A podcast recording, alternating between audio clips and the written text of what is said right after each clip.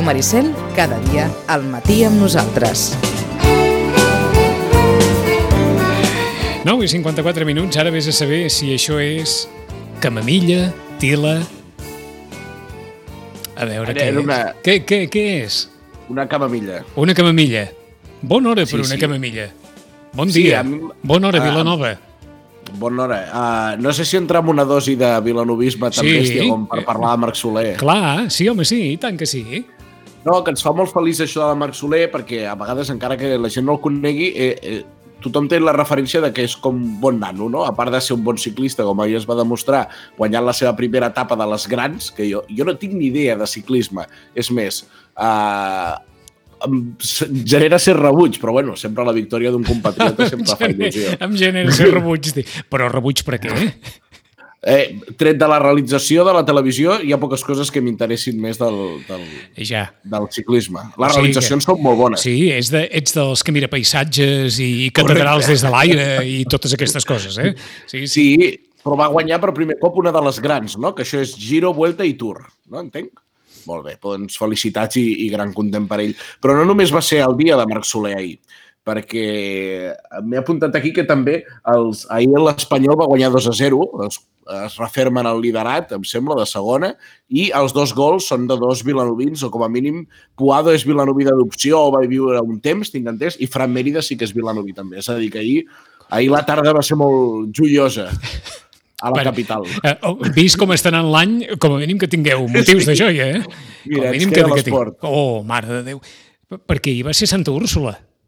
Sí, correcte. D'això en volíem parlar avui, no?, de Santa Úrsula, i que, per si algú encara va despistat en aquest món, i sabeu allò que els periodistes castellers, durant un temps, cada cap de setmana dèiem Diada històrica, no? Estàvem molt passats amb Diada històrica. Doncs jo penso que si s'hagués de triar una Diada històrica de la història, de la història històrica, no? i amb totes les redundàncies, eh, triaríem Santa Úrsula de l'any passat. Com a mínim seria la que jo triaria on les dues colles de Valls, que com vosaltres sabeu, allò és el quilòmetre zero, no? és, el, és el, el, el bressol dels castells, tots els eslògans que vulguem, doncs eh, allà es van fer per primer cop que els ulls dels éssers vius, i quan dic vius, que ho recordin i que estiguin vius encara, han vist per primer cop eh, l'aleta del 3 de 9 sense folre que era com el castell que tothom esperava veure i això va ser l'any passat. Quan semblava que ja no hi havia més límits a traspassar, aquest va ser el límit i era el límit que tothom volia veure, perquè a partir d'ara es poden fer molts invents, però aquest era com el castell que més o menys sabíem que s'havia fet uh, durant el segle XIX, però que ningú viu havia vist i tampoc es recordava gaire. Sí que hi havia unes cròniques, però clar, aquí hi ha molts historiadors fent moltes interpretacions. Eh, mira com és la vida, eh? que semblava que hagués posat sobre la taula aquest any veureu el que no heu vist mai, perquè l'any que ve també veureu el que no heu vist mai. Sí, clar, la, la intenció, quan, quan després de l'aleta, carregat només, eh? Després de l'aleta el 3 de 9, primer va ser la colla vella i després va ser la colla joves, en una diada més que jo te la trio ja no pel 3 de 9, sinó per, pel, pel canvi d'estratègia i tot plegat com va anar, que se'n podria escriure una novel·la. Uh, una de les coses que, que la, no sé, crec que les preguntes que ens fèiem era, bueno, primer, això ara ho tornarem a veure? És a dir, això l'any vinent es donen les condicions per tornar a produir-se? Ara sabem que no, però per motius molt diferents, no? Que és que hi ha una pandèmia mundial.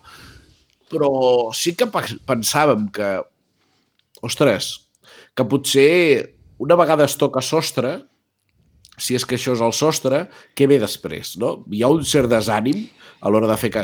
No ho sé, eh, no- mai sabrem què hagués passat aquest any. El que està clar és que l'any que ve, en principi, tampoc podria passar, perquè vull creure que castells d'aquesta mena només es No. poden fer quan hi ha una inèrcia, quan hi ha una dinàmica d'assajos de, de moltes circumstàncies que, que Jo diria s'uneixen cada dècada. cada Jo diria que, que Mhm. potser d'una dècada, però uh, ara qui, qui, qui no vulgui contagiar-se d'un cert pessimisme, realisme, que apagui la ràdio.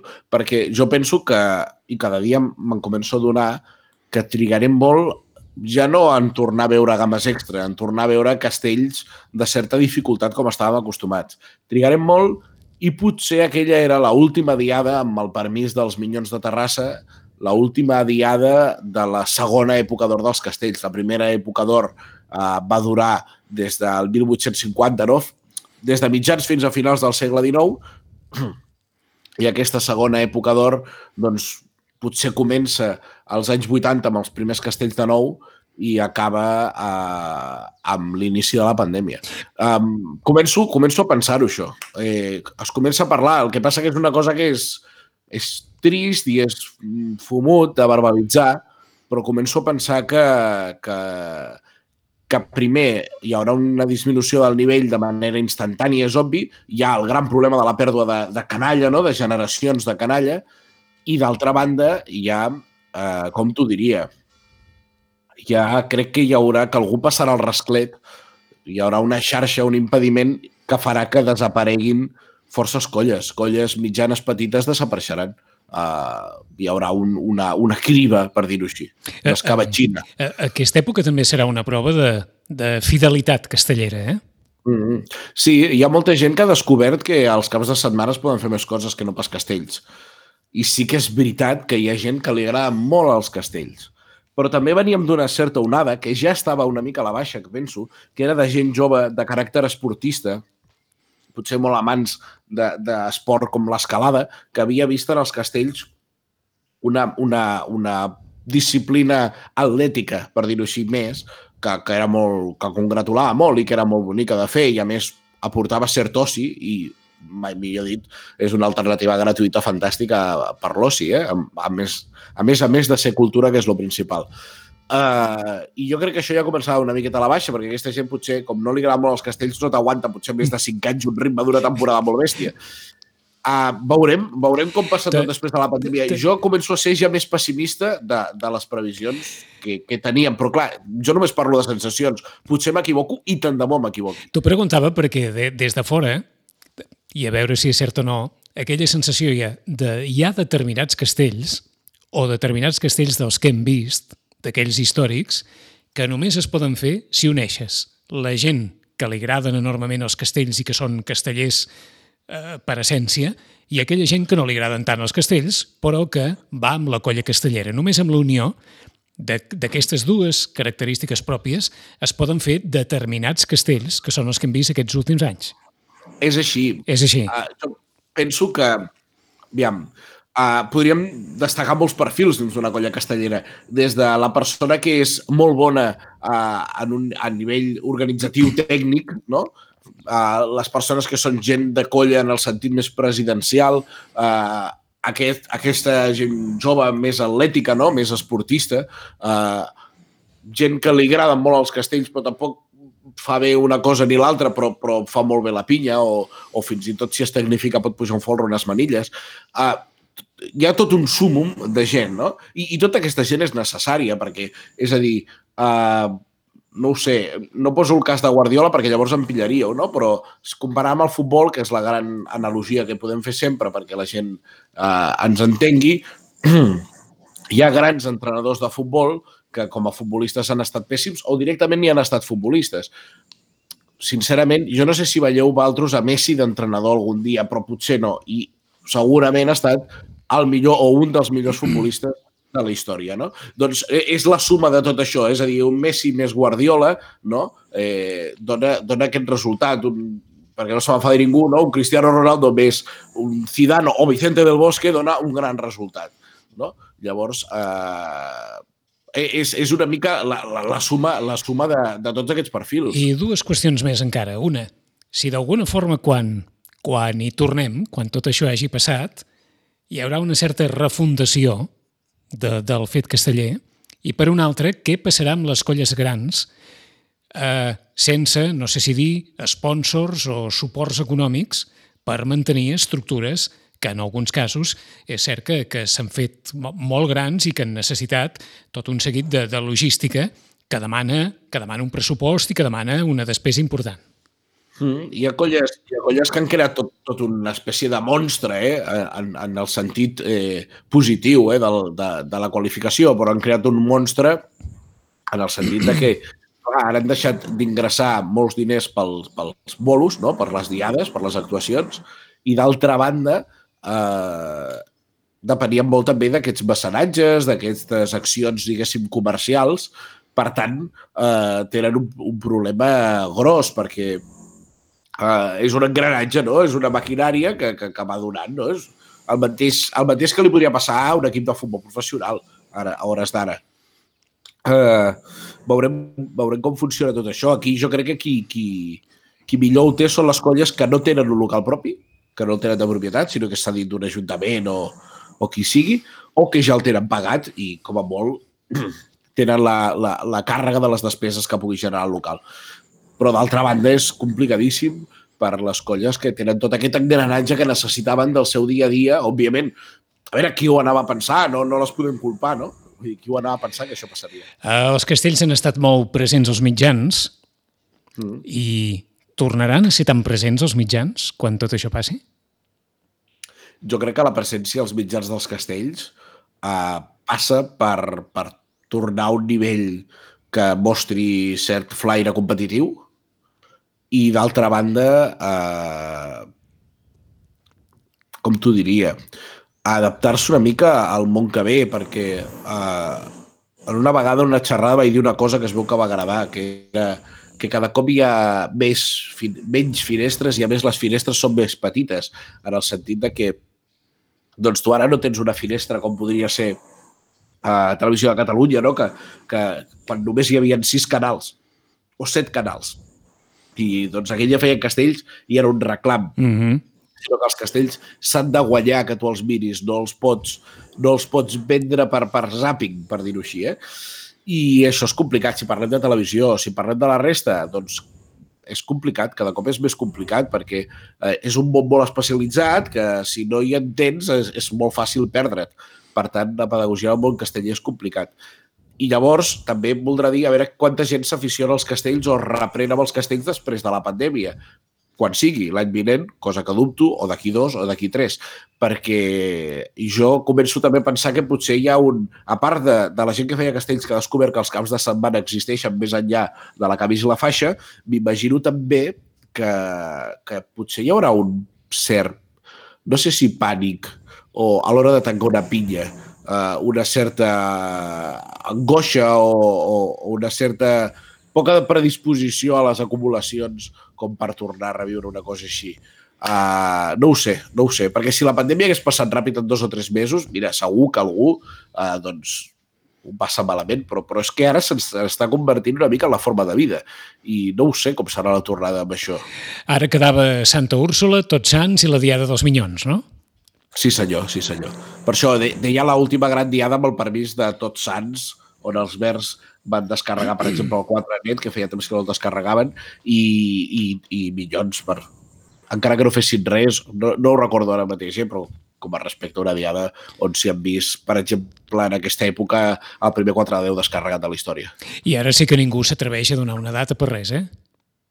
No, no, no, no. Però com no ens atrevim a donar una, una data... per res de res. I, Vicenç, tu m'assegures que Bartomeu l'any vinent? Oi no, pues ja no, no. Bé, ni, ni crec que ni jo ni ningú. Ni ningú. Doncs ningú, ja ningú. Estem a l'època en què ningú... Vaja, potser ja està bé que ens trobeu en una època en què ningú asseguri res després d'assegurar tantes coses durant tota la vida. Potser ens va bé una mica d'humilitat de, de no fet, poder assegurar sí. res. Jo he fet plans perquè cada setmana, divendres m'agradaria anar a un lloc, dissabte un altre diumenge un altre, però és que no ho tinc clar tampoc. El que està clar, i ara farem, ara, ara farem un lligam, eh, eh, aprofitant que, que en Xachi ha anat i ha vingut, perquè en, encara queda residualment parlant, perquè en tan poca activitat castellera, el programa Dosos Amunt eh, eh, s'ha continuat eh, emetent i l'altre dia parlava d'aquesta indissoluble unió entre les gralles i els castells. El presentador deia mm. no hi ha castells sense gralles, però sí que hi pot haver gralles sense castells. En Xachi es va acostar aquí a Sitges, al local de l'Escola de Grallers de Sitges, i parlàvem amb Màrius Collado, res, un, un minut i mig d'aquella conversa a la qual en Màrius explicava com, com l'escola s'ho ha amanit per intentar continuar en els assajos en època de pandèmia que estem veient ara el local que teniu, no és l'única sala on, on que teniu per assajar, i hi ha cadires, hi ha faristols, és a dir, que aquí s'està assajant aquest any. Com s'assaja? Com s'assaja en temps de pandèmia? Clar, aquest any ho hem fet molt diferent. Eh, nosaltres vam començar, de fet, vam tancar l'escola quan va començar la pandèmia, el mes de març era això, i vam tancar com totes les escoles, com vam poder obrir el mes de juny, ho vam fer, però sí que vam, vam posar menusos de seguretat, eh, desinfectants, limitació d'aforament... Doncs aquest any, per exemple, una característica nostra és que som un grup molt gran i aquí en aquesta aula toquem molta gent, per quan s'acosta la festa de les Illes, per tocar tots conjunts, i aquest any això no ha existit. Aquest any hem fet assajos per colles, a més, sempre allò eh, reservant l'aula perquè no hi hagués massa gent i aquestes coses, i eh, aquest any eh, hem continuat funcionant. A nivell d'actuacions hem tingut molt poques actuacions, alguna cosa molt concreta, hem fet moltes coses, això sí, ens hem reinventat una mica, hem fet el tema dels vídeos aquest any, que a les xarxes hem tingut molta activitat, uh -huh. que això és propi de la gent jove de l'escola, que han tingut ganes de fer moltes coses, però a nivell d'escola hem, hem assajat molt d'una manera molt limitada, molt limitada en quant a gent. Ara, això sí, tothom que ha volgut venir a assajar ha pogut venir. Inclús hem continuat fent escola amb la gent nova, però, esclar, també d'una manera molt reduïda, això sí. Um, com funciona l'escola, no? Perquè uh, sempre hi ha mestres i sempre hi ha alumnes i després els alumnes passen a ser mestres, és com, com un, un pou de coneixements no? que es va reciclant constantment. I això va ser idea del Blai Fontanals Pare, que va crear l'escola, i la seva idea va ser va començar a ensenyar el 71 i de molt aviat ell va començar a ensenyar a nanos joves, que va ser un precursor en aquest aspecte, i la gràcia de l'escola és que tothom que està a l'escola, eh, quan sap tocar una miqueta, té el compromís d'ensenyar amb els nous que venen. I, és clar constantment sempre hi ha nous mestres i gent que vulgui tocar la grella sempre en surten, eh? De fet, nosaltres, a la nostra història, que tenim uns 600 aspirants, i d'aquests 600 aspirants, uns 300 han esdevingut grellers amb més o menys temps. 10 i 11 minuts era Mario Escollado explicant-li en, en Xatxi el funcionament de l'Escola de Grellers, com, com molts ja ho saben, i el paper a les xarxes. Jo et preguntaria també, abans de saltar a la Fira de Manresa, si perceps una mica de cansament a l'entorn de tants vídeos, tanta presència a les xarxes, que tothom d'alguna manera ha de, ha de mostrar que és viu i que, i que fa coses, però si perceps una certa saturació de, de, de tot això. Sí, sí. És, és, no ho sé, al final ja no, no arribes. Et diuen, ah, has vist aquest que ha fet allò? I dius, mira, no ho sé, tu. Tinc... No, no, vull mirar més coses. Uh, quan estàvem tots tancats, que no podíem sortir ni a palpar, eh, no estava malament. Però ara ja, vull dir, jo crec que... Hem quan, superat quan aquesta deixat, etapa, eh? I quan ens han deixat sortir una mica ja s'ha acabat. Vull dir, jo crec que ara això està... Però sí, sí, realment vam fer bé, per exemple, d'avançar les matinades a Sant Jordi a la de perquè era el moment, crec que volia una mica més tot això, perquè... Eh... Està clar, està clar. Uh, bé, en l'època en què uh, han hagut de suspendre la Fira Trapezi, per exemple, però a, a Manresa, a Manresa es manté la Fira. A Manresa es manté la fira. Qui no conegui la Fira Mediterrània de Manresa és un gran aparador per a programadors, músics i premsa d'espectacles que s'estrenen allà o espectacles que ja estan fets però que volen rodar una mica més i llavors allà doncs, és com és una fira en el fons, no? perquè és un, un lloc d'intercanvi comercial però en cultura, cultura, música d'arrel, músiques del món, cultura popular.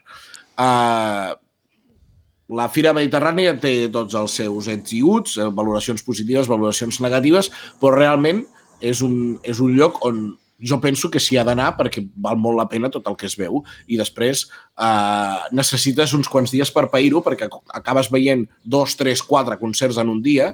Eh, jo hi vaig anar divendres, dissabte, diumenge, em vaig veure, doncs això, a lo millor una dotzena de concerts, una cosa així, i 10 concerts, 12, pel, sí, més o menys, i, i doncs al final acabes no, intentant un concert normalment o un espectacle de dansa, per exemple, jo crec que s'ha de pair, no? Necessites una estona després per pensar en el que has vist i això és una cosa que dificulta. Però realment es veuen coses molt bones i, i descobreixes coses o vas veure nous espectacles de gent que ja coneixes. Per exemple, la Maria del Mar Bonet va presentar un espectacle de cançons tradicionals. Doncs la Maria del Mar Bonet no cal descobrir-la, però fa un nou espectacle que val molt la pena, on va interpretar clàssics com, per exemple, L'amor d'Anna Margalida, no? Uh, cançons fantàstiques i d'altres, doncs, totes extretes d'un quadern d'un capellano que havia enregistrat eh, que havia enregistrat, no, que havia apuntat eh, una, una, un munt de cançons. I, per exemple, fas descobertes noves, com per exemple Rodrigo Cuevas, que el recomano a tothom que passa pel carrer. Eh, em vaig creuant gent pel carrer i dic, eh, entri a l'Spotify i escolti Rodrigo Cuevas. Rodrigo un, Cuevas. Rodrigo Cuevas, que és un asturià eh, amb una veu fantàstica que va fer tota una feina d'una cosa que està super de moda, eh, que, però ell ho ha fet molt bé. Eh? És una cosa que està fent quasi tothom, que és anar a gravar els avis com canten. Oh, I sembla tant, hagi- tens, és veritat això ara. S'ha posat molt de moda. S'ha posat molt de moda a enregistrar avis com canten i també fer servir pedals. Eh, No sé si la gent que no sigui del gremi de la música... Que ja Explica, no ho sap, explica. un pedal és un, un aparell no? que, que, que, que és això, com un pedal d'un cotxe, no? doncs tu l'apretes i allò canvia una mica doncs, la sonoritat de l'instrument, la sonoritat de la veu, fa un efecte electrònic eh, al, al gust, no? hi ha pedals de tot tipus i són configurables, a més, i fan loops i coses d'aquestes. Doncs eh, Festival del pedal. Vull dir, eh, tothom s'ha comprat un pedal. Vicent, si no et compres És que- un pedal, no ets ningú en el És món que, de la música. amb, amb perdó, amb mares i àvies, com el, són més o menys com els pedals de les màquines de cosir, eh? Tenen, tenen un aire, tenen un aire els pedals de les màquines de cosir. I sí que és cert que hi ha pedals de tota mena, però jo no sabia que estéssim ara, com havia dit en Estem- Capri a la seva època, la festa del pedal. Sí, s'està contagiant el, el Covid, la Covid o el It? Covid, It, i sí. s'està contagiant eh, Amb- pedals. Eh, eh, Jo eh, que hem trobat alguna cosa d'en... Sí? De- Després, en, en acabar la conversa, posarem en, Té en Cuevas. En. Re, en Rodrigo Cuevas, has dit? Rodrigo Cuevas. Rodrigo Cuevas. O sigui, um, per, per te, quan tanquem, em voldràs algun en especial? Vinga, va, jo crec que podríem posar El dia que nací jo, si la trobeu. El dia que nací jo. Sí, l'Albert ja la té d'allò. Coneguda.